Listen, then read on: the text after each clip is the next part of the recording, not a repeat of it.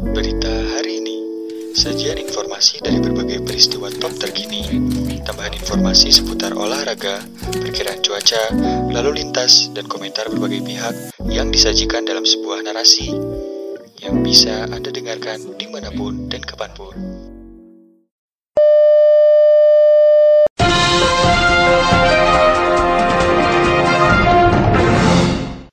Pemirsa baru-baru ini ramai diperbincangkan mengenai subsidi pekerja yang terdampak pandemi.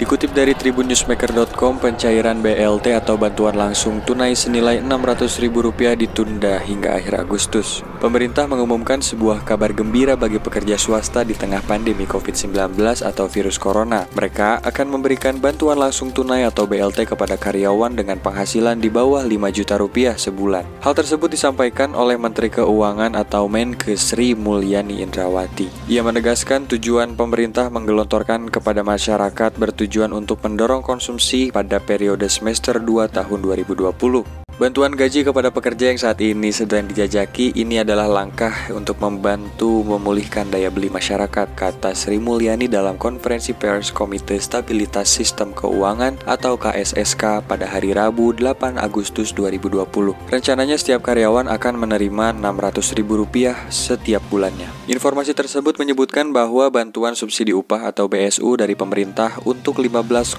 juta pekerja yang dijadwalkan pada 25 Agustus tertunda menunda penyalurannya. Hal tersebut diungkapkan oleh Menteri Ketenagakerjaan Ida Fauzia.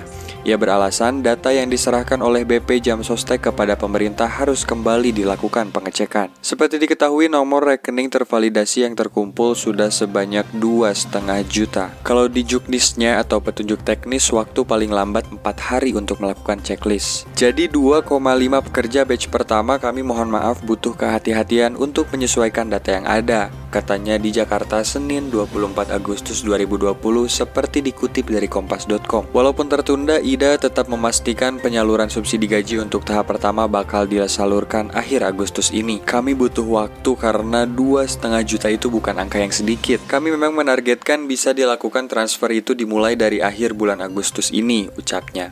Sementara total nomor rekening pekerja yang telah melaporkan kepada BP Jam Sostek hingga sekarang sudah tercatat sebanyak 13,7 juta. Masih tersisa 2 juta rekening lagi yang sedang dalam proses. Maka kami tidak menerima untuk batch pertama 2,5 juta. Nah, dari 2,5 juta ini kami akan melakukan checklist untuk mengecek kesesuaian data yang ada. Karena itulah pemerintah menunda bantuan langsung tunai yang harusnya dilaksanakan pada tanggal 25 Agustus 2020 dengan alasan pengecekan. Pemirsa itulah info terbaru mengenai ketenaga kerjaan dan bantuan langsung tunai. Sekian berita hari ini, sampai jumpa di berita-berita berikutnya.